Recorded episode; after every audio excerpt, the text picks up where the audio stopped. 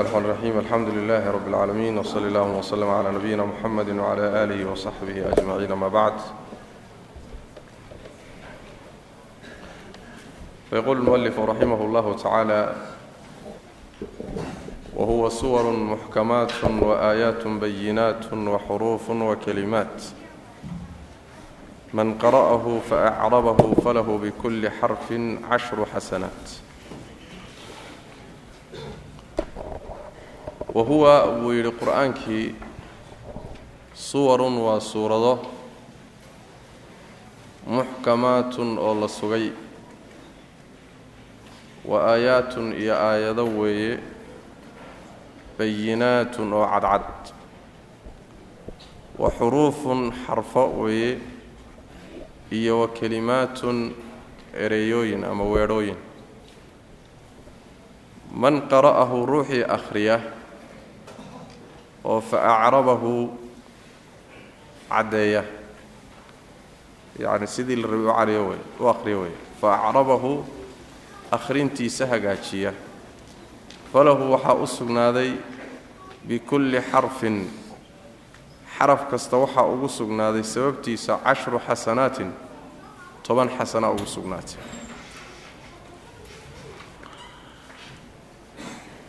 Waxa uu inoo sheegay wuxuu ku dhex jiray oo sheekhu taqriirinayay. Allah tabaaraka wa tacaala kalaamkiisu jumlatan wuxuu soo sheegay inuu sifatiisa yahay. Kadibna wuxuu soo wuxuu gudagalay inuu ka hadlo. Oo darsigeenna u dambeeyey uu ku saabsanaa ee qur'aanka inuu hadalka ilaahi tabaaraka wa tacaala ka mid yahay. Taasuu marka ka hadlayay oo ku dhex jiray. Wuxuu yidhi wahuwa qur'aanki suwarun waa suurado muxkamaatun oo la sugay. Wuxuu ka wadaa ixkaamka qur'aanka. Laba macno buu ku imaanayaa sida ishtibaahuba laba macno ugu imaanayo mar qur'aanka waxaa lagu sifeeyey isagoo dhan inuu muxkam yahay. Marna waxaa lagu sifeeyey qur'aankaoo dhan inuu mutashaabih yahay labada macno qur'aanka waa ka dhexeeya. Haddana waxaa inoo imaan doontuu sheegi doonaa muxkam oo macno khaasa ah iyo mutashaabih oo macno khaasa ah oo marka aan qur'aanka ku wada tilmaanayn qayb ka mida ku tilmaaman muxkam qayb ka midana ku tilmaaman mutashaabih macno khaasa markaa laga wadaa. Markan hore ee qur'aanku uu muxkam ku wada tilmaaman yahay waxaa laga wadaa bimacnaa mutqan wa maxfuudun min alkhalali wanuqsaan waay qur'aanku dhammaantii waxaa laga sugay oo laga xifdiyey oo laga ilaaliyey wax kala dhimanaan iyo khalal ah qur'aanku markii dhankaa laga fiiriyo sifadaa wuu wada leeyahy waana mid rabbi yidhi tabaaraka wa tacaala aliflaam ra kitaabun uxkimat aayaatuhu uma fusilat min ladun xakiimin khabiir kitaabun uxkimat aayaatuhu aayadihiisoo dhan waa la sugay marka dhammaantii sifadaa wuu qaadanayaa leanno waa qur'aan laa ya'tiihi albaatilu min bayni yadayhi walaa min khalfihi yacni hortiisa iyo gadaashiisa toona baatil kama yimaado waxba laguma daro naqsi iyo khalal ma leh dhimanaan ma leh waa dhammaystiran yahay sidaa wey macnaha sidaa marka la yidhaahdo qur'aanka oo dhan sifadaa wuu leeyahy aayaadkiisoo dhan baa leh ayb mar kalena qur'aanka oo mutashaabih lagu wada tilmaamay baa timido allah tabaaraka wa tacala fii suurati zumar. Waa ka yidhi allahu nazla axsana alxadiidi kitaaban mutashaabihan mahaani alla wuxuu soo dejiyey yacni sheeko midda ugu fiican. Kitaab buu soo dejiyey isu eg mutashaabih ah mahaaniya oo soo noqnoqonaya ama la soo celcelinayo. Marka tashaabuha waxaa laga wadaa bimacnaa tamaahulu اlkalaam wa tanaasubuhu baa laga wadaa.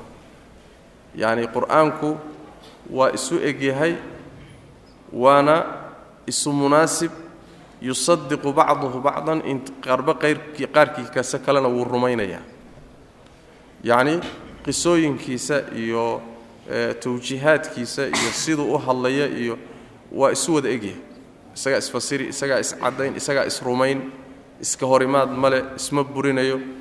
Qisadii aad suuratulqasas ku aragtay haddana waxaad ku arkay isla muxuu ahaayey acraaf baad ku arkay. Waa isla qisadii qaabkii bay u taallaa. Markuu ka hadlayo dadka mu'miniinta iyo waxay leeyihiin meel buu kaga hadlay. Haddana meel kale iyadii oo kale u kaga hadlaya ahlunaarku waxay leeyihiin ciqaabta u taalla meel buu kaga hadlay iyadii oo kale haddana meel intaasoo meelood ku soo noqonaysa. Marka qur'aanku dhankaa marka laga fiiriyo mutashaabih weeye oo munaasib buu isu wada yahay oo qaarkii qaarka kaluu rumaynaya oo waa isu egyahay sifadaa tashaabuha markii macnaha laga wadana qur'aanka o dhan wuu qaadanaya. Marka meesha waxaa inoo soo baxaysa muxkam oo qur'aanka o dhan ku sifaysan yahay iyo mutashaabih oo qur'aanka o dhan ku sifaysan yahay. Labadaa macno marka loo yeelan sheegnay waxaan u tegi karnaa u degi doonnaa horeyna u soo marnay isagoo macnahaasi khaasa oo qur'aanka qaar ka mida lagu magacaabayo oo uusan ka wada dhaxayn. Ayb wuxuu yidhi marka huwa qur'aanku suwarun way muxkamaatun oo la sugay. Yacni maxaa laga sugay oo laga xifdiyey? Naqsi iyo dhimanaan iyo khalal. Wa aayaatun aayado weeye bayinaatun oo cadcad aayado iska cadcad oo muuqdo macnahoodu la fahmi karo. Allah towxiidkiisa iyo sifaadkiisa ku tusayo tashriicaadkiisa si cad kuu tusayo waay wa xuruufun iyo xarfyaal weeye wa kelimaatun iyo weedhooyin yacni kelimaadku xuruuftay ka kooban yihiin kelimaadku waa xuruuf laysu geeyey marka waa xuruuf iyo kelimaad. Meeshaa wuxuu ku radinayaa xuruufun kelimaatun. Qur'aankan ina hor yaallaaye xuruuf iyo kelimaad buu ka kooban yahay sida iska muuqata sidaasaana lagu soo guuriyey. Marka xuruuftiisa iyo kelimaadkiisa iyo macnaha ay xambaarsan yihiin buu qur'aan ku yahay. Sidaasuuna sifo ilaahay ku yaho alle kaga yimid tabaaraka wa tacaala. Bixuruufihi wa kelimaatihi wa macaaniihi ayuu kalaam alle ku yahay tabaaraka wa tacala saasuu ka wada wa xuruufun iyo wa kelimaatun waa. Man qara'ahu ruuxii akhriya oo fa acrabahu toosiya ama saxa akhrintiisa icraabka waxaa laga wadaa meeshan waa didu laxni waay. Aan akhrintiisa laxninin. Si fiican u akhriya. Qawaaciddii muxuu ahay tajwiidka iyo akhrinta iyo meeshii lagu istaagahayey meeshii la xidhiidhinayey iyo wahaakada ilaaliya oo si aan laxni ku jirin u akhriya. Falahu waxaa u sugnaaday bikulli xarfin xaraf kasta sababtii waxaa uu sugnaaday cashru xasanaatin toban xasano.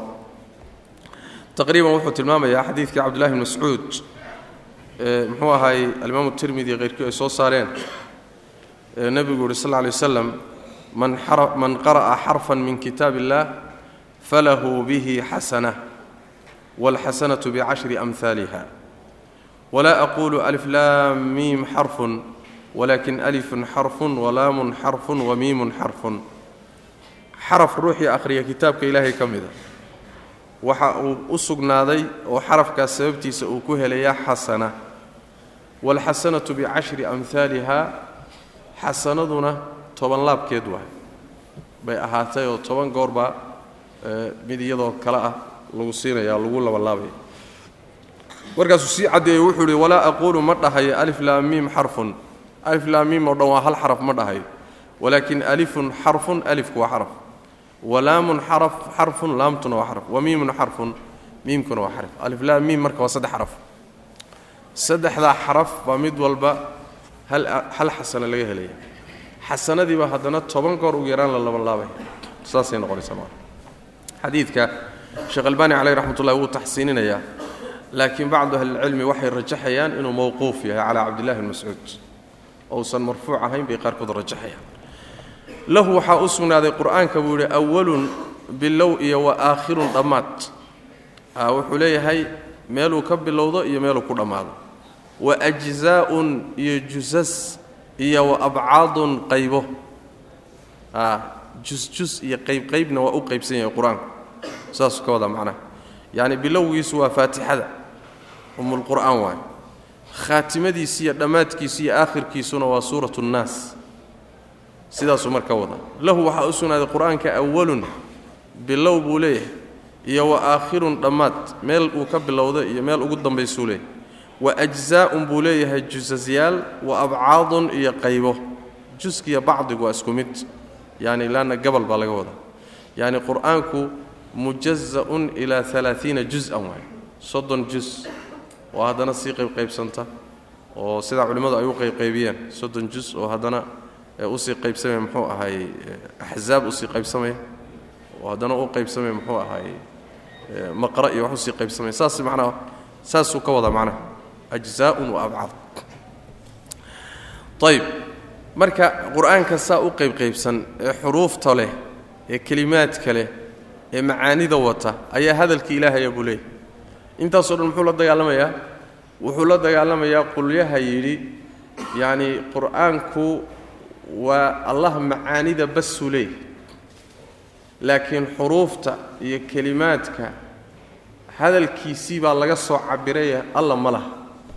Qoladii ashaacirada somayna saa u soo tilmaamay ashaacirada cibaaratun can kalaamillahi bay dheheen lianna kalaamullaahi waxay dhaheen waa shay nafsi ah.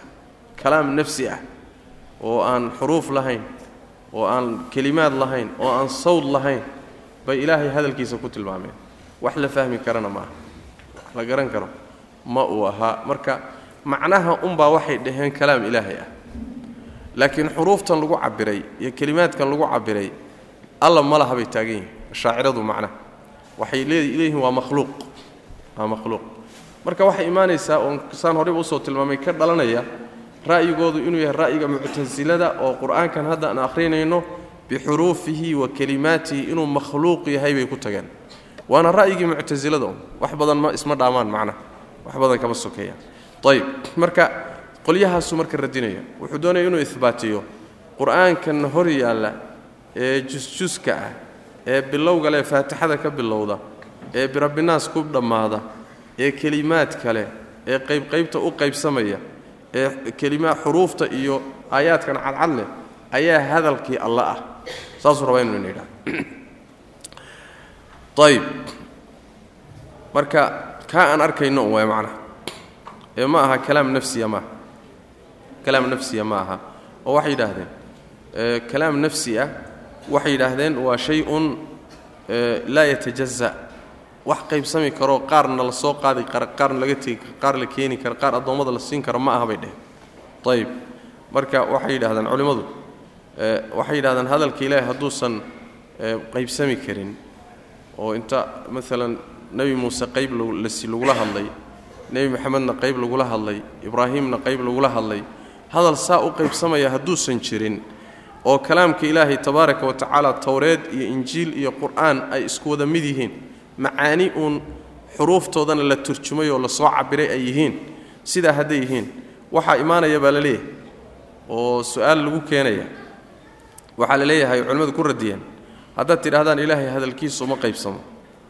Nebi muuse calayhi salaam markuu alle hadalkiisa maqlay ma hadalkii oo dhan buu maqlay mise hadalkii qaar ka mida waay. Hadday yidhaahdaan hadalkii alle qaar ka miduu maqlay bimacnaa hadalkii alle waa qaybsamaa bay qirayaan markaa oo qaar baa la maqli karaa qaar muxuu ahaayey wuxuu aqbalayaa yacni tajazu iyo tabacud buu aqbalayaa markaas. Haddayse yidhaahdaan nebi muuse hadalkii alle oo dhan buu wada maqlay markaasi waxay noqonaysaa in ay gaalnimo ku dhacaan oo hadalka ilaahay waa koobmaayo wax maxsuuruu markaa noqonaya qur'aankuna wuxuu yidhi qul low kaana albaxru midaadan likalimaati rabbii lanafida albaxru qabla an tanfada kalimaatu rabbii walow ji'naa bimilihi madada. Allah tabaaraka wa tacaala baddoo dhan haddii khad laga dhigo oo kelimaadka rabbi qoraalkeeda khad looga dhigo muxuu ahaayey baddu way dhammaan lahayd allana kelimaadkiisu ma aynan dhammaadeen. Aayaddii kale sii caddaynaysa muxuu ahaayey marka allah hadalkiisa iyo kalaamkiisu midka sharciga iyo midka qadariga midna kalaamka rabbi tabaaraka wa tacaala nihaaye ma leh. Addoon wada koobi karana ma jiro. Halkaa waxaa ka soo baxaya nebi moxamed sal alla alay wasalam qur'aankii ku soo degay hadalka alle qaar ka miduu ahaa. Soo ma?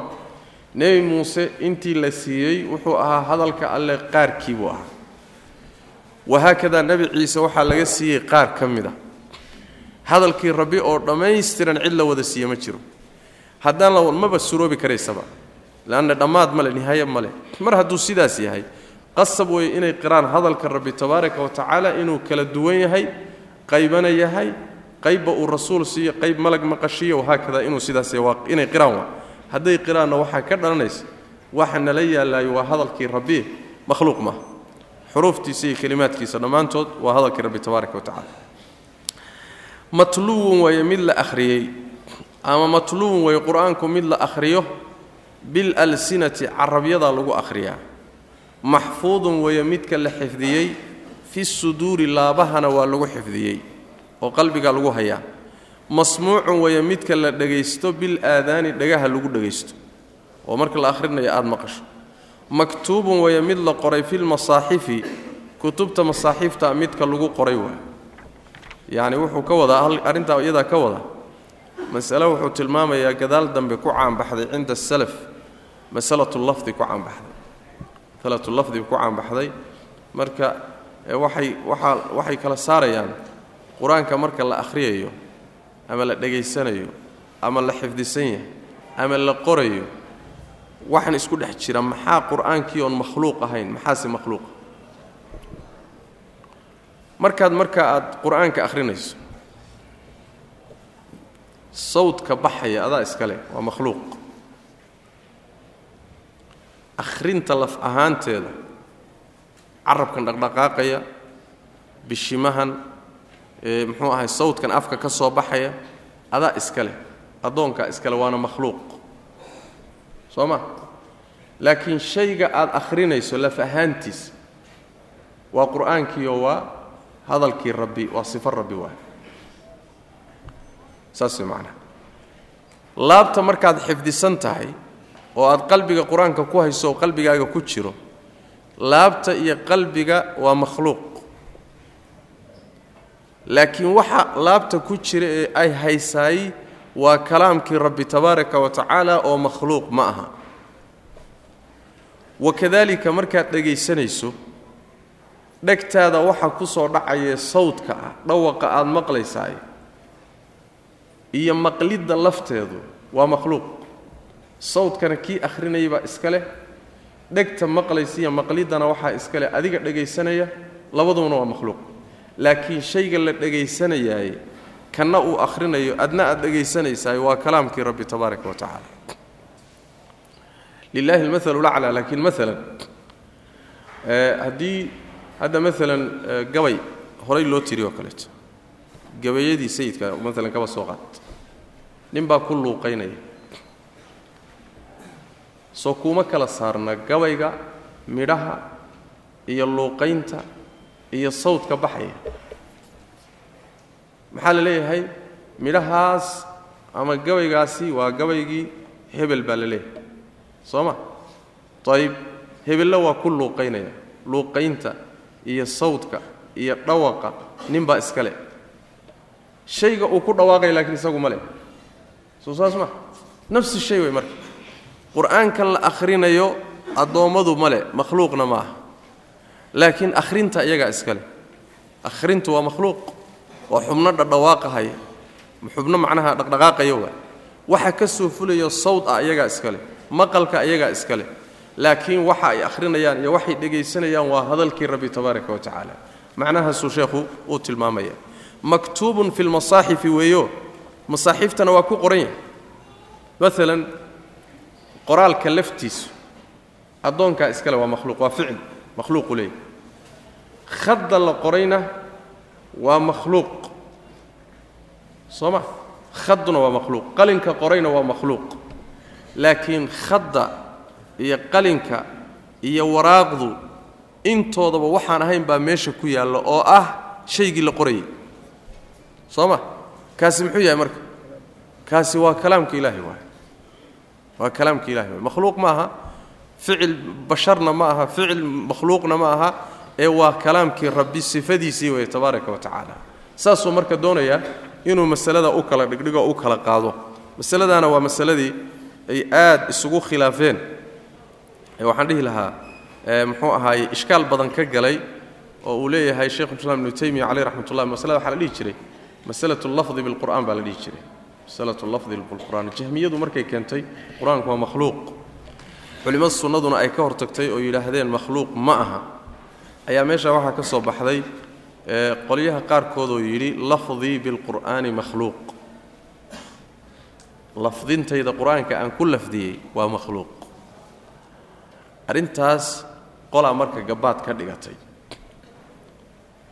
Imaam axmed caleyh raxmat ullah waa miduu leeyahy marka man qaala lafdii bilqur'aani makhluuqun fa huwa jahmiyun waman qaala lafdii bilqur'aani hayru makhluuqin fa huwa bidciyun haddaad tidhaahdo lafdigayga qur'aanka aan ku lafdiyey waa makhluuqna jahmi baa tahay haddaad tidhaahdo makhluuq ma ahana bidci baa tahay maxaan dhahaa way marka lafdiga banba dhaha isticmaalinba leanna isticmaalkiisaa ishkaal ku jira alimaam albukhaari caleyh raxmat ullaahi baa yimid markaasuu lafdiga laftiisa isticmaalay. Sidaa imaamku axmed u diiday buu u isticmaalay. Alimaam albukhaari caleyh raxmat ullah masaladaa imtixaan weyn baa ka qabsaday. Oo rag badanoo muxadisiinta ka hijrooday oo waa lagula dagaalamay oo waxaa la yidhi ra'yigii muctasiladu ku dhacay imaam bukhaari caleyh raxmat ullah marka mas'alo waxay ahayd culimmadii salafku ilaa xaddi maa ay xataa dhacay sida ibnu taymiya uu leeyahay caleyh raxmat ullah nooc yacni dood iyo kala go-id iyo colaad iyo tahaajur iyo wax badan baa dhex maray mas'aladan darteed.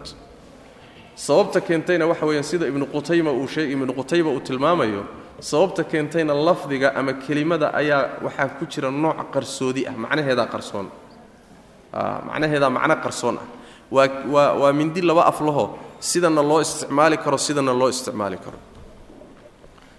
Ahlulbidaca iyo muctasiladuna sibay u isticmaali karaan. Macno saxana way yeelan kartaayoo waafaqsan madhabkii ahlusunna kelimaadka noocaasoo kaleetaana marka isticmaalkooda waa laga fogaadaa. Isticmaalkooda waa laga fogaadaa. Haddaad u baahato waa la caddeeyaa. Laakiin kelimadu waxay ixtimaali kartaa macno saxana way ixtimaali kartaa macno khaldanna way ixtimaali kartaa. Saas daraaddeed imaam axmed wuxuu yidhi haddaad tidhaahdo waa makhluuqna lafdii bilqur'aani makhluuq haddaad tidhahdana jahmi baa tahay. Haddaad tidhahdo makhluuq ma ahana bidci baa tahay. Muxuu rabaa marka haba isticmaalina faraha ka qaat ayib xaggee marka ishkaalku ku jiraa waay? Ishkaalku wuxuu ku jiraa lafdii waa masdar mudaaf ah. Soo ma laba macnay ixtimaali kartaa marka. Inaad ka wado lafdii bimacnaa altalafud ku hadlidda akhrinta aan qur'aanka akhrinayahay iyo ku hadlidda aan ku hadlayahay waa makhluuq. Macnahaas ma khaldan yahay marka? Waa sax.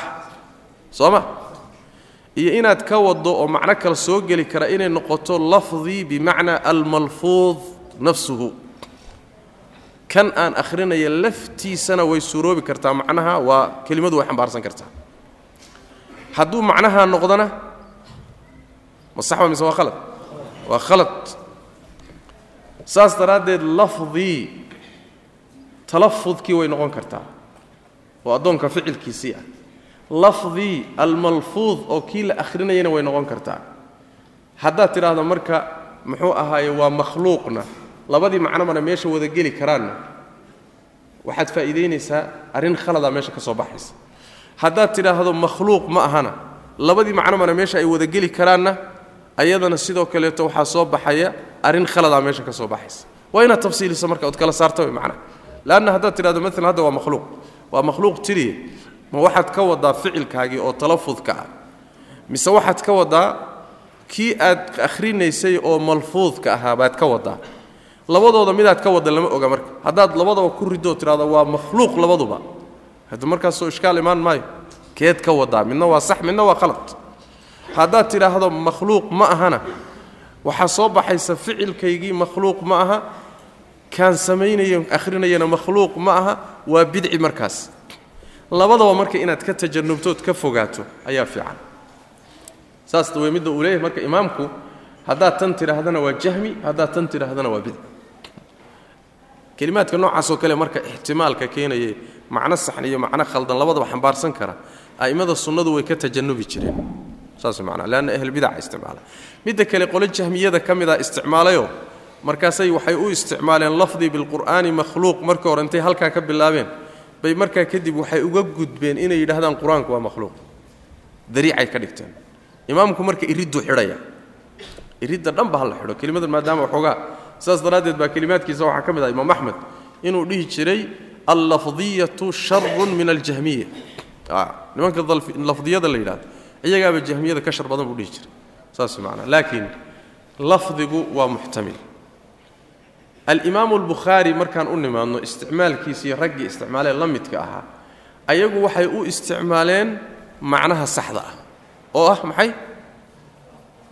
Ya in la yidhaahdo lafdii bimacna talafudii soo ma? Talafudii oo waxay kala saarayaan marka ficilka iyaga akhrintooda ku hadlidooda waa annagaa iskale waa makhluuq buu leeyahy laakiin midka aan akhrinayaay makhluuq maaha oo kalaamkii rabbiya tabaaraka wa tacaala.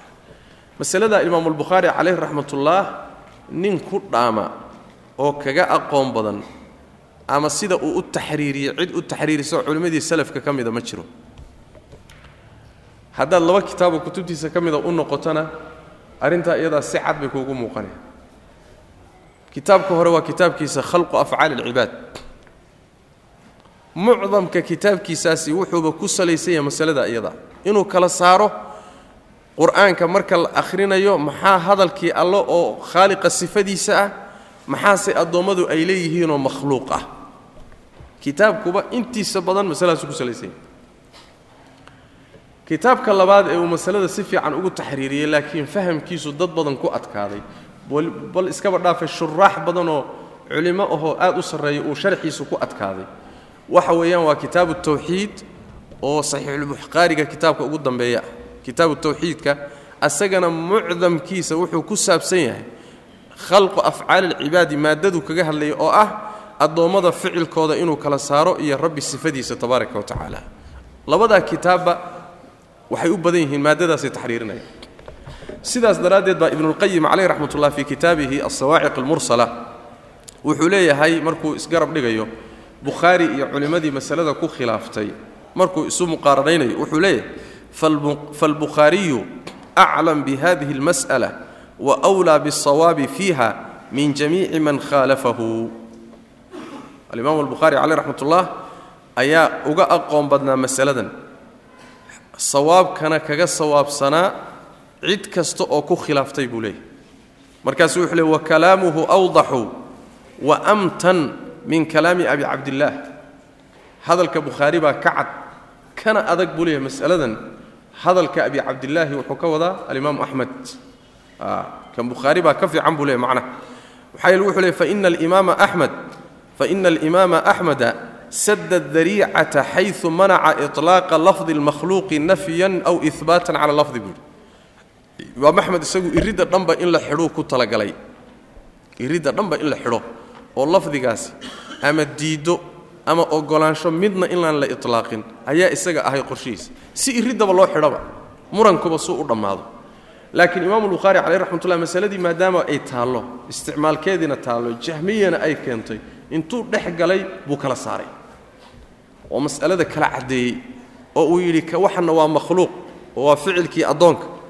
Waxanna waa qur'aankii oo waa kalaamkii rabbiyo sifadiisii waay marka wuxuu leeyahay imaamulbukhaari baa masaladaa kaga horreeya kagana sawaabsan intii ku khilaaftayba. Sawaaciqulmursala ama mukhtasarkiisa aad u noqon kartaan. Saas way macnaa. Ayib masalada marka meeshan hadda uu ku ishaaray taa iyadaa wa matluubun weeye qur'aanku mid la akhriyay bilalsinati carabyaalkaa lagu akhriyaa carabka akhrinaya iyo sawdka uu bixinayo iyo akhrinta lafteeduba waa makhluuq. Laakiin shayga la akhrinayo waa qur'aankii waa kalaamkii rabbi waana sifadiisii waa. Maxfuudun weeye mid la xifdiyey fi suduuri laabaha lagu xifdiyey. Waxa la xifdiyey waa qur'aankii. Laakiin xifdinta iyo ka wax xifdiyey oo laabtii aba waa makhluuq. Xifdinta lafteeduna waa makhluuq. Masmuucun weeye mid la dhegaysto bil aadaani dhagaha lagu dhegaystaa haa ka dhegaysanaya iyo dhegaysigu waa makhluuq. Sawdka aad maqlayso iyo ku sawdaynayana waa makhluuq. Laakiin ka la dhegaysanaya ka lagu sawdaynayo waa kalaamkii rabbi oo waa qur'aankii waay maktuubun weeye mid la qoray fi lmasaaxifi kutubtas masaaxifta yaa lagu qoray. Qoraalka waa makhluuq. Khaduna waa makhluuq. Qalinkuna waa makhluuq. Waraaqduna waa makhluuq lagu qoray. Kan qorayana waa makhluuq. Laakiin kan la qorayo soo ma kala duwana kan la qorayo ee meesha ku qoranay khadani qortay waraaqdanna ku qoran qalinkuna qoray muxuu yahay? Waa hadalkii rabbi makhluuqna maaha waa sifadiisii waa. Sidaas marka in loo kala saaro iyo arrintu u baahantay ayb fiihi dhexdiisa waxaa ahaaday. Fiihi waxaa dhexdiisa ahaaday qur'aanka muxkamun mid la sugay wa mutashaabihun iyo mid yacni wax way dheh gashan. Ha mutashaabih wa muxkam horay soo muusan inoo soo dhihin sidaasoo kaleeto. Darsigeenna suwarun muxkamaatun soo maahayn muxkamkan iyo mutashaabihan iyo kii hore marka way kala duwan yihiin soomaynaa dhihin muxkam qur'aanka o dhan waa la wada dhihi karaa. Mutashaabihna waa la wada dhihi karaa laakiin macnaha waxaa laga wadaa muxkamka horena wuu sugan yahayoo khalal iyo naqsi o dhan buu ka sugan yahay. Mutashaabihanna macnahan marka waxaa laga wadaa inuu yahay mid isu eg oo isfasiraya oo isshabbaha soo ma? Muxkamkan hadda meeshan uu ku sheegaya waa kii horay aan u soo marnayo minhu aayaatun muxkamaatun wa ukharu mutashaabihaat. Soomaynaan soo maray? Macnahaas waan soo sharaxnay. Marka aayadihii qur'aanka laba noqonaya qaar waa muxkam qaarna waa mutashaabih. Macnaha dambe wuxuu noqonayaa marka muxkamku waxay noqonayaan waa aayadaha aan u baahnayn tafsiirkoodu aan u baahnayn meel kale iyo aayado kale aan u baahnayn iyagu sidooda macnahoodu u cadyahay saas way macnaa laa taxtaaju fii tafsiiriha ilaa hayriha wa iska macnaheedu waa iska cadya meel kale in loo celiyo ama aayado kale lala raadsado uma baahna. Waa aayaad muxkam ah. Waana qur'aanka asalkiisaiyo siduu u badan yahay saas wey minhu aayaatun muxkamaatun hunna ummu lkitaab saas way macnaha mutashaabihana wuxuu noqonayaa marka waa aayaadka u baahan tafsiirkooda marka la fasirayo in aayado kale loo celiyo oo iyagu lafahaantooda aan caddayn. Laakiin macnahoodu wuxuu caddaanayaa markii lala doonto qur'aanka intiisa kale. Aayaadka khaasatan muxkamka markii lala doonso ayaa maqsuudku caddaanaya. Kuwaasaa la yidhahda macnaha sida maalan muxuu ahaaye aayaadka mutlaqa oo kaleeto aayaadka mutlaqa ah ee mujmalka oo kale mansuukha oo kaleeto wuu soo wadaa. Saas way macnaha yacni mutlaqa oo kaleeto wuxuu noqonayaa waa macno waa sii daysan yahay. Ujeeddada laga lahaana wuxuu u baahan yahay in nas kaloo caddeeya loo helo. Miaal waxaa u noqon kara alsaariqu waاsaariqatu faqطacuu aydiyahumaa jazaan bima kasaba nakaalan min allah haweenta waxaday iyo ninka waxaday. Gacanta ka jaraa le cuquubo. Halla ciqaabo gacanta ha laga gooyo. Gacanta ha laga gooyo. Su'aal baa imaanaysa. Xaggeen ka jarnaa gacanta. Soo ma aayaddaasi marka waa mutlaqo. Ha lagu camal falo marka la yidhahdo ama maqsuudka ha la fahmo marka la yidhahdo. Waxay u baahan tahay daliil kale ama nas kale oo inoo sheega gacanta halkaasaa laga wadaa ee ka jara. Ila gacanta waxay noqonaysaa faraha laga bilaabo ilaa laga gaadho garabka gacan baa la wada yidhahda soo ma ayib xaggeen ka goynaa waay waa mulaq waa mutlaq. Waxay u baahan doontaa marka xadiidku inuu qaydo ama aayad qaydood tidhaahda halkaa ka jara. Dhankaa marka laga fiiriyo mutashaabih bay marka noqonaya mutashaabih nooci ah bay markaa noqonaysa waxaa la mida maalan sariqadoo kaleeto wasaariqu wasaariqatu sariqada iyo tuugnimada wax u jaraa la yidhi waa mulaq xataa hadduu muxuu ahaaye kababiyo axadana ma la jaraya. Iyose nisaab waxaa jira iyo qiyaas haddii xooluhu gaadhaan gacanta la goynayo. Soo ma? Waxay u baahan tahay marka sariqada gacanta lagu jarayaay ayaduna waxay u baahan tahay taqyiid bay u baahan tahay noocee. Soo ma? Wahaakada qur'aanka marka qaar noocaasaa jiro macnahoodu inuu cad caddaado oo la fahmo u baahanaya inay nas kale helaan. Soo ma? Dhankaa marka mutashaabih bay noqonayaan mutashaabih baa lagu itlaaqi karaya mujmalkaa la mida waxaa la mida caamkiiyo khaasku inoo soo wado mansuukha iyo baa la mida macnaha naasikha iyo mansuukha la mida. Aayaadka marka noocaasa waa la dhihi karaa. Waxaa kaloo dhihi karaa oo mutashaabihu uu noqon karaa saan horayba u soo marnay. Mid aan macnihiisaba aslan la garanayninba. Soo ma mutashaabih labada macno buu noqonaya mutashaabih oo macnihiisu isaga gooni ahaantiisa uusan u caddayn laakiin haddii aayado kale lala doonto iscaddaynaya iyo mutashaabih aan ilaahayba ugu talagelinba in macnihiisa la garto addoommadaba uu ka qariyey labadaba wuu noqon karaya macnaha ayib fiihi waxaa dhexdiisa ahaaday muxkamun wa mutashaabih see loola dhaqmayaa waan soo marnay soo ma ahlulcilmiga raasiqiinta fi lcilmiga yarudduuna almutashaabiha ila almuxkam mutashaabihay celinayaan muxkamkay u celinayaan. Markaasay macnihii caddaysanayaan hadalka rabbi markay doonayaan inay fasiraan oo maqsuudka fahmaan way isu uruurinayaan hadalkii. Aayadaha ku arooray nusuusta ku aroortay bay uruurinayaan. Markaasay maqsuudkiiyo macnihii saxda ahaa halkaa uga soo baxayaan. Aayad iyo laba aayadood intay la boodaan wax kuma dhisaan. Ayib ama ahlu zayqu iyagu mutashaabihay la boodahayaan waa kaan soo marnay. Soo ma? Faama aladiina fii quluubihim zayqun fayattabicuuna ma tashaabaha minhu ibtiqa'a alfitnati waibtiqa'a ta'wiilih horey baan u soo sharxay fiihi dhexdiisa waxa ahday qur'aanka muxkamun mid la sugayoo macnihiisu iska cad yahay wa mutashaabihun iyo mid macnihiisu dheh gashan yahayoo macnihiisu uusan caddayn wa naasikhun baa ka mid a mid bedelay iyo wa mansuukhun mid la bedelay naasikh iyo mansuukhu waxa waaye waa xugum aayad soo degtay in la bedelo oo mid kaloo ka dambaysa ay beddesho mid kale laga daba keeno macnaha waxaa la yidhaahdaa naskhiga waxaa la yidhaahdaa xugumkii ama lafdigii aayadda oo la bedelo la qaado la rafciyo mid ka dambaysayna lagu bedelo. Taasaa la yidhahda oo waata qur'aanku tilmaamayo maa nansakh min aayatin aw nunsiha na'ti bikhayrin minha aw miliha yacni naskhigu waa shay haabit ah shay haabit oo sugan waay sida sharaa'icdu isu nasakhdo oo ay injiili towreed u nasakhday qur'aankuna injiil iyo towreedba u nasakhay ayaa sharcigeenna dhexdiisana aayaadku isnasakhayaan isbeddelayaan mid baa imaan wakhti bay leedahay marka la soo dejinayaba alla wakhtiba ugu talagalay wakhtigeedii markuu dhammaado iyo munaasabadiisii mid kalea ka daba imaanaysa way beddelaysaa marka. Tii waa la qaadayaa. Saas way macnaha. Marka wuxuu u qaybsamaa in xugumka iyo lafdigaba la wada bedelo qur'aanka way dhacday. Aayado soo degay oo xugumkoodiina la qaaday la beddelay lafdigoodiina qur'aanka laga saaroo la beddelay. Ama ma ahee lafdigaa la beddelayaa xugumkuna waa joogaya. Sida aayaddii washaykhu washaykhatu idaa zanaya farjumuuhuma albattata nakaalan min allah. Qur'aan bay ahayd la akhriyo. Marka lafdigeedii baa la beddelay laakiin xugumkii labada guurku u hormarayoo zinaystay in dhagax lagu dilaya xugumkii waa baaqi. Laakiin lafdigii qur'aanka waa laga saaray. Ayib aayad ka dambaysaa nasakhda wey marka macnaha ama mehe waxaa la beddelayaa muxuu ahaayey xugumka unbaa la beddelayaa lafdigu waa joogaya waana sida qur'aanku u badan yahay aayado aad u fara badan oo qur'aanka ku jira ayaa xugumkooda aan lagu camalfalaynin oo aayado ka dambeeyaa beddelay. Aad u badan yahay marka naskhiga kaasaa la yidhaha marka kii la beddelay iyo kan ka dambeeyee beddelay labaduba waa qur'aan. Wa naasikhun baa qur'aankii dhexdiisa ahaaday. Mid nasakhay oo zuuliyey oo beddelay kii ka horreeyey.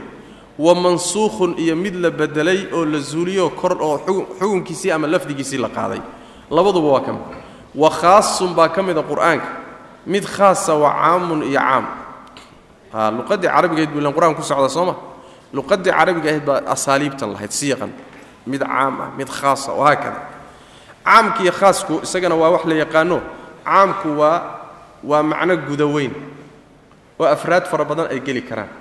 Khaaskana waxaa la yidhaahdaa afraadda caamka wadagalay ayuu qaar ka mida ka saarayaa xugum gooniya u samaynaya soo ma maalan allah tabaaraka wa tacala wuxuu yidhi walaa tankixuu almushrikaati xataa yu'minna. Naagaha mushrikaadka ah ha guursanina ilaa ay alla ka rumeeyaan soo ma aayaddaa maxay ku tustay cumuumkeeda? Mushrikad oo dhan meelay ku timaadaba inaan la guursan karin. Waa caam. Maxay caam ku tahay naag gaal oo dhan guur kuuma qabto gaal abtirkay dooni ha lahaato dhinacay doona ha uga abtirsato yahuudiya ha ku abtirsato nasraaniya ha ku abtirsato majuusiya ha ku abtirsato yacni ma kala qaadin caam way aayaddu soo ma markaasaa waxaa timid allah tabaaraka wa tacaala inuu yidhi waطacaamu aladiina uutuu lkitaaba xillun lakum waطacaamukum xillun lahum wاlmuxsanaatu min almu'minaat wاlmuxsanaatu min aladiina uutuu lkitaaba min qablikum ida aataytumuuhunna ujuurahum aayaddaasi waxay tidhi marka dumarka dhowrsoone ahlulkitaabka waad guursan kartaan ahlulkitaabka soo mushrikiin ma ya lam yakun aladiina kafaruu min ahli اlkitaabi wاlmushrikiin soo mahayn ahlulkitaabku waa mushrikiin waana kafaro aayaddii hore marka iyo aayaddan see la kala dhihi aayaddani marka waxay ka hadashay qayb ka mida gaaladii qayb ka mida mushrikaadkii bay ka hadashay. Taa horena waa caam soo ma? Marka taa caamkiina qur'aankii bay ka mid tahay tan khaaskiina qur'aankii bay ka mid tahay. See la kala dhihi waay. Waxaan dhahaynaa tan khaaska ah waxay ka hadashay ahlulkitaabka waa yahuudiya nasaarade dumarkooda dhowrsoon waad guursan kartaan. Kuwaa inaan guursan karnay xugum gooniya siisay. Wixii labadaa ka soo hadhayna walaa tankixu lmushrikaatidii caamkii bay baaqi ku yihiinoo lama guursan karo. Soo ma? Saasaan leenahay. Taa waxaa ku hadhaya wixii aan la soo reebin. Wixii laga soo saarayoo xugum gooniya la siiyeyna xugumkiisa gooniyadaan siinaynaa. Caam iyo khaas wey marka. Aad buu qur'aanka ugu badan yahay. Caam iyo khaas. Marka wa minhu waxaa wa fiihi qur'aanka waxaa ahaaday khaasun mid gooni ah oo muxuu ahaayey shay gooni ah ama dad gooniya ama meel gooniya ka hadlaya wa caamun iyo mid guda weyn oo yacni wax walba ay hoosgelayaan ayaa qur'aanka ka mid a macaanidiisa. Wa amrun baa ka mid a iyo wa nahyun. Qur'aanka waxaa ka mid a amar iyo nahyi. Amar oo samee ah iyo nahyi oo ha samaynin ah. Qur'aankuu ka mid yahay. Wuxuu doonayaa waxaasoo dhan imaamku wuxuu rabaa inuu ku yidhaahdo asaaliibtaa kala gedisan iyo qaababkaa kala gedisan waxa ku imaanayaay waa hadalkii rabbi tabaaraka wa tacaala.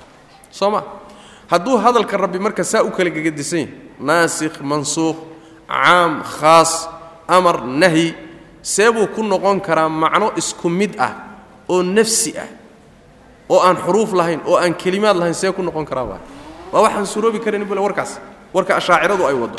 Waa waxaan suroobi karin aayaadkiibuu marka keenay laa ya'tiihi buu rabbi yidhi tabaaraka wa tacala laa ya'tiihi ma yimaado. Albaailu baatilku ma yimaado min bayni yadayhi qur'aanka xaggiisa hore kama yimaado walaa min khalfihi xaggiisa dambena kama yimaado. Tanziilun soo dejin wey oo min xakiimin allaha xikmadda leh xaggiisa ka ahaaday xamiidin ee la mahadiyo. Allaha tabaaraka wa tacaala xakiimkii xamiidka ah soo dejin xaggiisa ka yimid waay. Ayb marka laa ya'tiihi albaatilu min bayni yadayhi walaa min khalfihi. Sidiisaba qur'aanka waa muxkamkiibuu fasiraya. Muxkam oo macnihii horaa soo ma ixkaam oo inuu ka yahay munazah min alkhalali waannaqsi iyo baatilnimo hortiisa iyo gadaashiisa midna kama soo fulo wax baatila saas way macana marka waa ilaashayn wa qowluhu alla odhaahdiisa tabaaraka wa tacaala uu yidhi qul waxaad tidhahdaa nebi allow lain ijtamacad hadday kulmaan al-insu insigii iyo waljinnu jinnigii hadday kulmaan calaa an ya'tuu hadday isku waafaqaan oy u kulmaan calaa an ya'tuu inay la yimaadaan korkeeda bimili hada alqur'aani qur'aankan mid la mida inay la yimaadaan. Hadday ku kulmaan oo isku waafaqaan oo isku raacaan oo go'aansadaan laa ya'tuuna lama imaanayaan bimilihi mid isagoo kale a lama imaan karaan. Walow kaana haba ahaado bacduhum qaarkood libacdin qaarka kale dahiiran mid mid u kaalmeeya. Xataa habay isu kaalmeeyaan gacan haysa siiyeen muxuu isku garab qabteen xataa. Weligood hadday si walba yeelaan qur'aanka kaleo kale lama imaan karayaan ayb marka waxa ayna la imaan karaynine taxadiga lagu samaynay le car la imaada le car. Car intaad isu tagtaan isagoo kale keena la leeyahay. Waa xuruuftan iyo kelimaadkan meesha yaalla wey iyo macaaniday xambaarsan yihiin taasoo iswata wa waana qur'aankii waa. Marka inaad xuruufta iyo kala saartaan muxuu ahaaye iyo kelimaadka iyo macnaha kala saartaan taasuu diidan yahay macnaha oo intan oo dhan macnaha u dagaalamaya. Taasi wuxuu ahaa yacni ilan qur'aanku muxuu ahaayey markuu gaalada taxadiga ku sameeyey markay yidhaahdeen moxamed isagaa soo qortay isagaa la yimi asaatiiru alawaliina iktatabaha. Waa sheekooyinkii ummadihii hore ku sheekaysan jireenoo isaga umbaa soo qorqoray. Tumla calayhi bukratan wa asiila. Waa loo yeedhiyaa isaguna wuu soo qora mar waxay yidhahdeen waa waa waa gabay waxaa lagu yidhi waa fududa soo isagu looma soo yeedhin. Soo gabay weeyaanna maydaan dhihin haa marna sooma dhihin waa kaahin iyo kuwan wax sheeg warkoodii way haa waa carabi waay. Idinkuna carab waxaa tihiin raggii ugu faseexa badnaa quraysh baa tihiin. Waxaa idinku jira raggii aftahanada ahaa. Raggii gebyi jiray raggii halcurinta lahaa baa idinka buuxa hadduu moxamed oo keligii a qur'aanka la yimid waxaa lagu yidhi fa'tuu bixadiiin mili falya'tuu bixadiiin milihi isagoo kale keenaa layidhi weliba idinka keliya ma ah baa layidhi jinkiinnana xataa kaashadaa layidhi insi keliya iskaba dhaafi xataa jinkana kaashadaa layidhi bal isagoo kale keena. Way keeni waayeen. Hoos baa haddana loola degay. Isagii soo maydaan keeni waayen waxaa la yidhi qul fa'tuu bicashri suwarin milihi qur'aankii o dhan ma ka caajisteen haa toban suuradoodoo asagoo kale ah keenaa la yidhi marka. Waa laydinka fududayne? Toban bese keena toban suuradood oo qur'aanka oo kalea shib wax soo jawaabaa la waaya waa ka jawaabi waaya haddana taxadigii hoos baa loola dego waxaa la yidhi fa'tuu bisuuratin min milihi hal suurad ah oo isagoo kale keenaa la yidhi. Tobankii way ka soo tagtay. Waad caajisteen soo maa hal suurad ah xataa ina acdayn oo kale keenaa la yidhi. Walcasri oo kaleta iyo kuwa gaagaaban xataa keenaa la yidhi. Jawaab ma leh. Mar hadday sidaas tahay maad naar ka baqdaan baa marka. Haddaabaad caajisteen oo waxba keeni weydeen maad qirtaan inuusan maxamedna jeebkiisa kala imaan karin. Insi iyo jinnina hadday isu tagaan ayna keeni karin. Wabitaali inuu ilaahay hadalkiisiiyo xagga rabbi ka yimid maad qirtaan. Waa arrin fudude waa qiri waaye leanna waxa weeye muxuu ahaaye nin oo meel u caddahay meele ka madoosoonaya hal diidani waxay dhahaan walba geeday ku rigata ma weydo shayga marba haddaad diidantaa lagu kari maayo wax walba haddii la caddayo soo ma sidaas weeyaan taxadigaa marka qur'aankaa ku sameeyey waa lagu sameeyey wayna samayn waaye mana aha sida ay muctasiladu leeyihiinoo muctasilada waxay qabaan masale la yidhahdo asarfi bay dhahaan asarfu bay dhahaan yacni waxay leeyihiin dadka iyo carab iyo raggii fasaaxada lahaa ka dambeeyey qur'aankoo kale way la imaan kareen. Laakiin ilaahay baa qalbigooda ka duway. Soo ilahay kownkan ma maamulo. Ilaahay baaba isku daygiibuuba karab mariyeyba waa muctasilo ra'yigooda waay. Wasawaab waxa weeye inuusan ilaahay isku dayga garab marinina u daayoo faraha uga qaaday khiyaarkooda u daayay laydin garab marin maayo bal wakaas isku dayoo keenaa la yidhi ayagaa caajisay marka. Ilan labay kale tahay shayga in marka horeba lagaa leexiyo oo lagaa sarfiyo qalbigaagaba laga leexiyo. Iyo in inta faraha lagaaga qaado lagu yidhahdo isku day waa kane oo adigu ay tabartaadu kuu run sheegto. Soo laba ma kala. Sida saxdaa marka waxa weye tabartoodaa u run sheegtay mooye laakiin lagama leexinin. Xoog laguma maqooninin maqaadiirtuusuna ma maqooninin laakiin qaar isku day baaba jiraba. Soo ma? Musaylimo soo maha ninkii isku day? Ee muxuu ahaaye wixii loogaa ka dhaqaaqay wax xataa muxuu ahaaye carruurta yarta hadaaqaysa. Hadaaqa ilmaha waxaad moodoo kale buu ka dhaqaaqay. Qur'aanka maxamed oo kalean samaynaya intuu yidhi. Marka isku waa jiraa laakiin waa shay mucjis ah. Lafdigiisa qur'aanku siduu isu saaran yahay iyo nadmiga lafdigiisa iyo icjaaska macnihiisa marka la fiiriyo wax uu makhluuq la imaan kara maaha. Saas man yacni kun iyo afar boqol iyo ziyaada hadda laga joogaa taxadiga qur'aankuna weli waa taagan yahay. Ka warran marka muddada intaa la hadduu caalamku keeni waayo qur'aanka oo kale. Soo masaladu masale iska cad maaha. Ilaa iyo haddana waa taagan yahay car.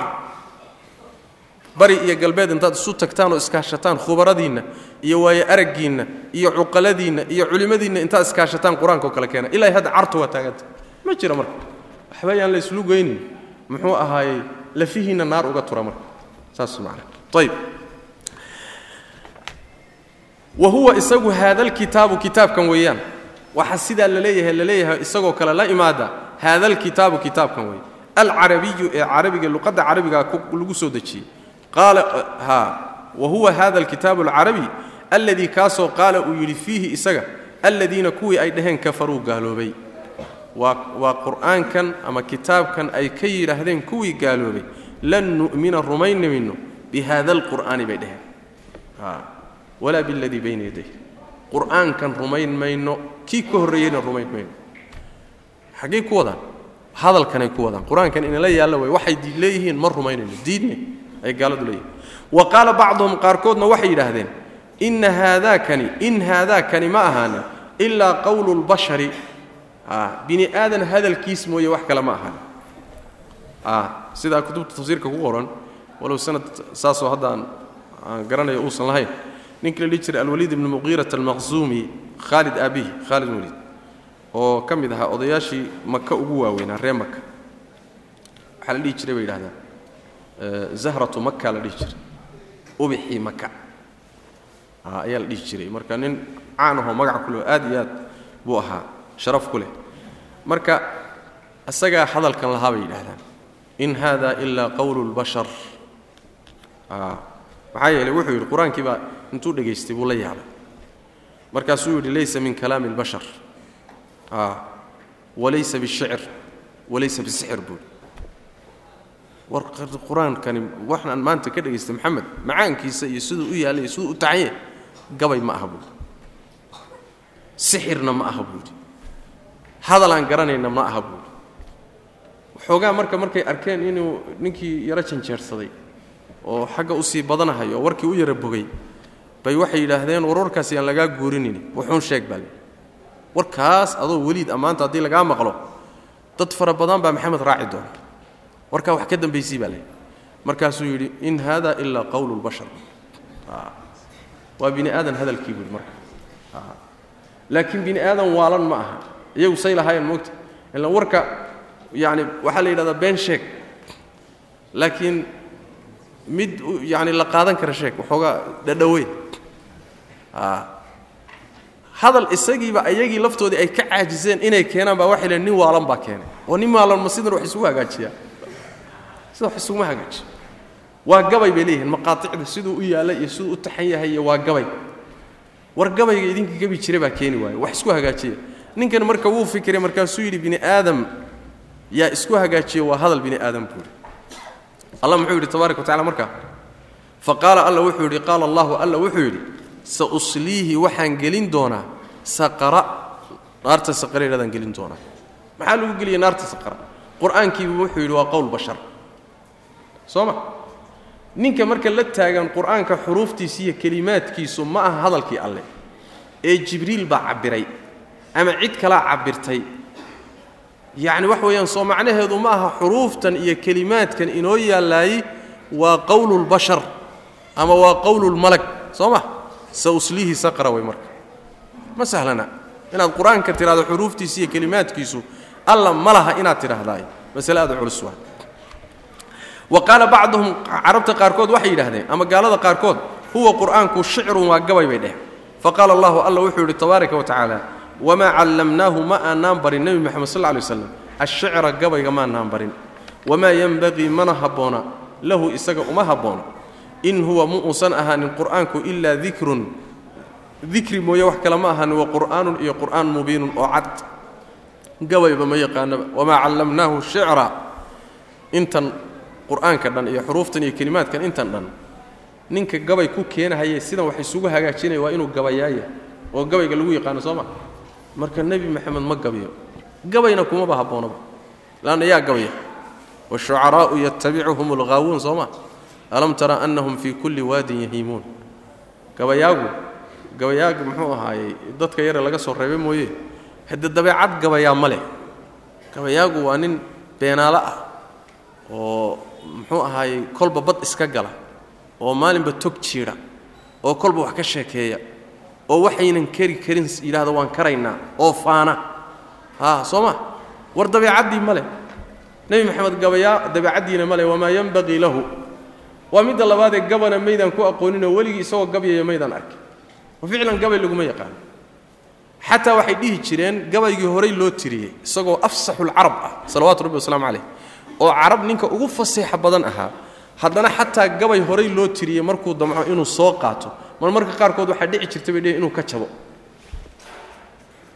Inuu ka jaba xataa marka qaarkood dhici jirta. Ilaan gabaygu moogtahay wuxuu leeyahy nadmi uu taxan yahay soo maa marka maba yaqaanaba.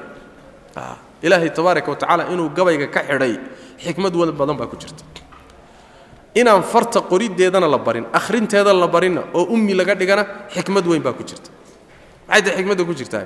Hadduu wax qori aqoon lahaa ama wax akhrin aqoon lahaa waxaa dadka qaarkood rumaysan lahaayeen wuu soo akhristay ama wuu soo qortay soo ma?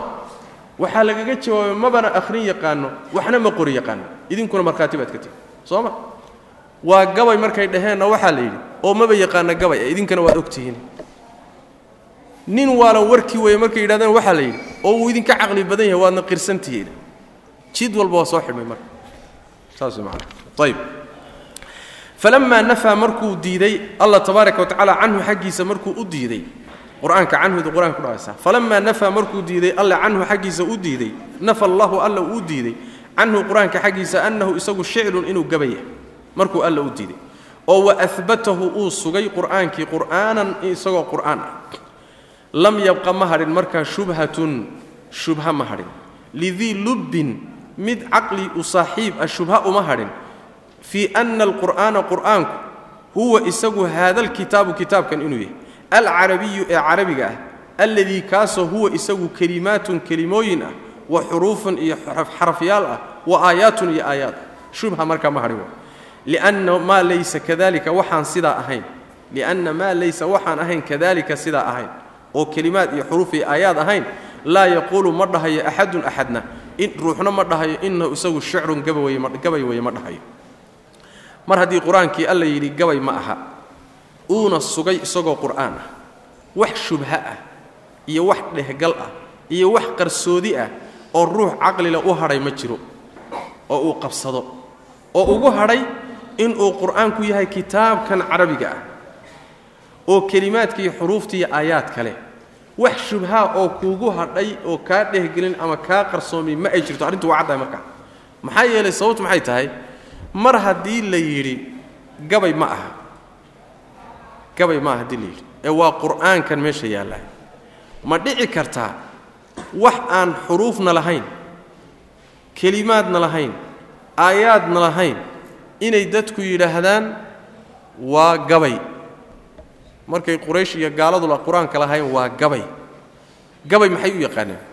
Gabay waxay u yaqaaneen wax xuruuf leh oo kelimaad leh oo nidaam iyo qaab u taxan oo maqaatic iyo meeluu ku istaaga leh oo qaab u dhaca ayaa la yidhahdaa soo ma?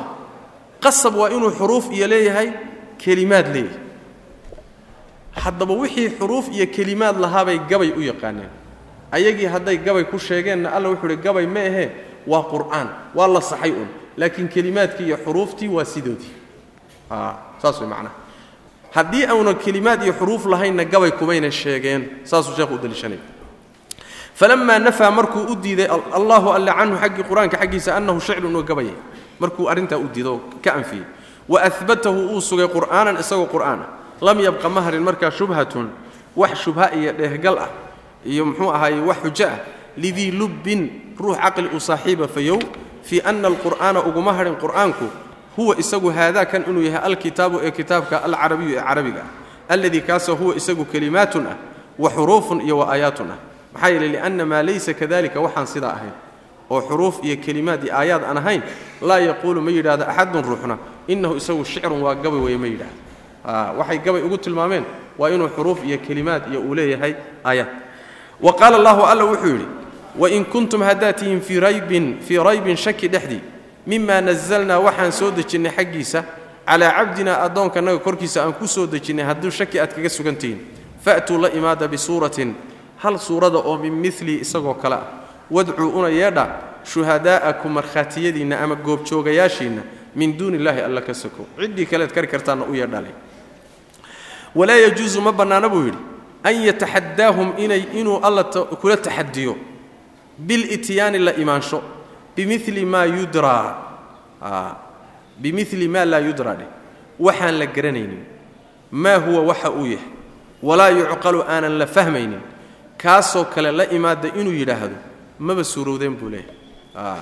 Walaa yajuusu ma suuroobi karta waa. An yataxadaahum taxadiga waxaa la yidhahdaa waa car meesha soomaaliga aan car idhaha baa taxadiga la yidhahda yacni waxa markaad ruuxa aad aad tabartiisa tusayso ood leedahay bal tabartaada waxaad bal waxaad samayn karta samee bal isku day. Saas taxadiga saas marka luqadeenna carabiga soomaaliga cartaasoo kaleeto way yacni alla marka ma suroobi karto inuu taxadi ku sameeyo oo uu kula taxadiyo inay la yimaadaan qur'aankoo kale. Hadduu yahay waxaan la garanaynin ama aan la fahmaynin mausan kula taxadiyeen soo saas maa hadduu yahay waxaan la fahmaynin waxayba oo la yidhahda car isagoo kale keena de waxay dhihi lahaayeen de waxaabaan la fahmayninba maxaa laga keeni soo ma? Waxaan la garanayninba macnihiisa maxaaba laga keeni horta macnihiisa la garto markaasaanu ama isku dayayna amaana isku dayaynin marba haddii la yidhi isagoo kale keena macnaheeda waa in macnihiisa la fahmayo waay soo ma? Saas weeyaan. Walaa yajuusu ma suuroobi karta an yataxadaahum inuu alla kula taxadiyo bilityaani imaansho bimili maa laa yudraa. Waxaan la garanaynin wax la mida inay la yimaadaan bimili maa laa yudraa waxaan la garanaynin maa huwa wuxuu yahay. Walaa yucqalu aanan la fahmayninna ka noocaasoo kalea mid la mida inay la yimaadaan wax suuroobi karta ma aha. Ee war haddiiba taxadi lagula sameeyo isagoo kale la imaada layidhi isagoo kale marka waa inay isagii fahmayaan. Si ay markaa uga sargoostaanoo isagiioo kale marka ay isugu dayaanoo ay markaa ula yimaadaan hadday kari karaan. Ayb wa qaala allahu alla wa qaala tacaala alla wuxuu yidhi waidaa goortii tutlaa la akhriyo. Calayhim korkooda aayaatuna aayaadkanaga lagu akhriyo bayinaatin ayagoo cadcad. Qaala waxay dhahayaan aladiina kuwii laa yarjuuna aan rajaynaynin liqaa'ana la kulankanaga kuwa inay ila kulmayaanoo alla u tegayaan aan rumaysnaynoo aakhare aan rumaysnayn waxay dhahayaan. Markii aayaadka qur'aanka lagu dul akhriyo i'ti bay dhahayaan. La imow maxamedow biqur'aanin qur'aan la imow hayri haada oon kan ahayn.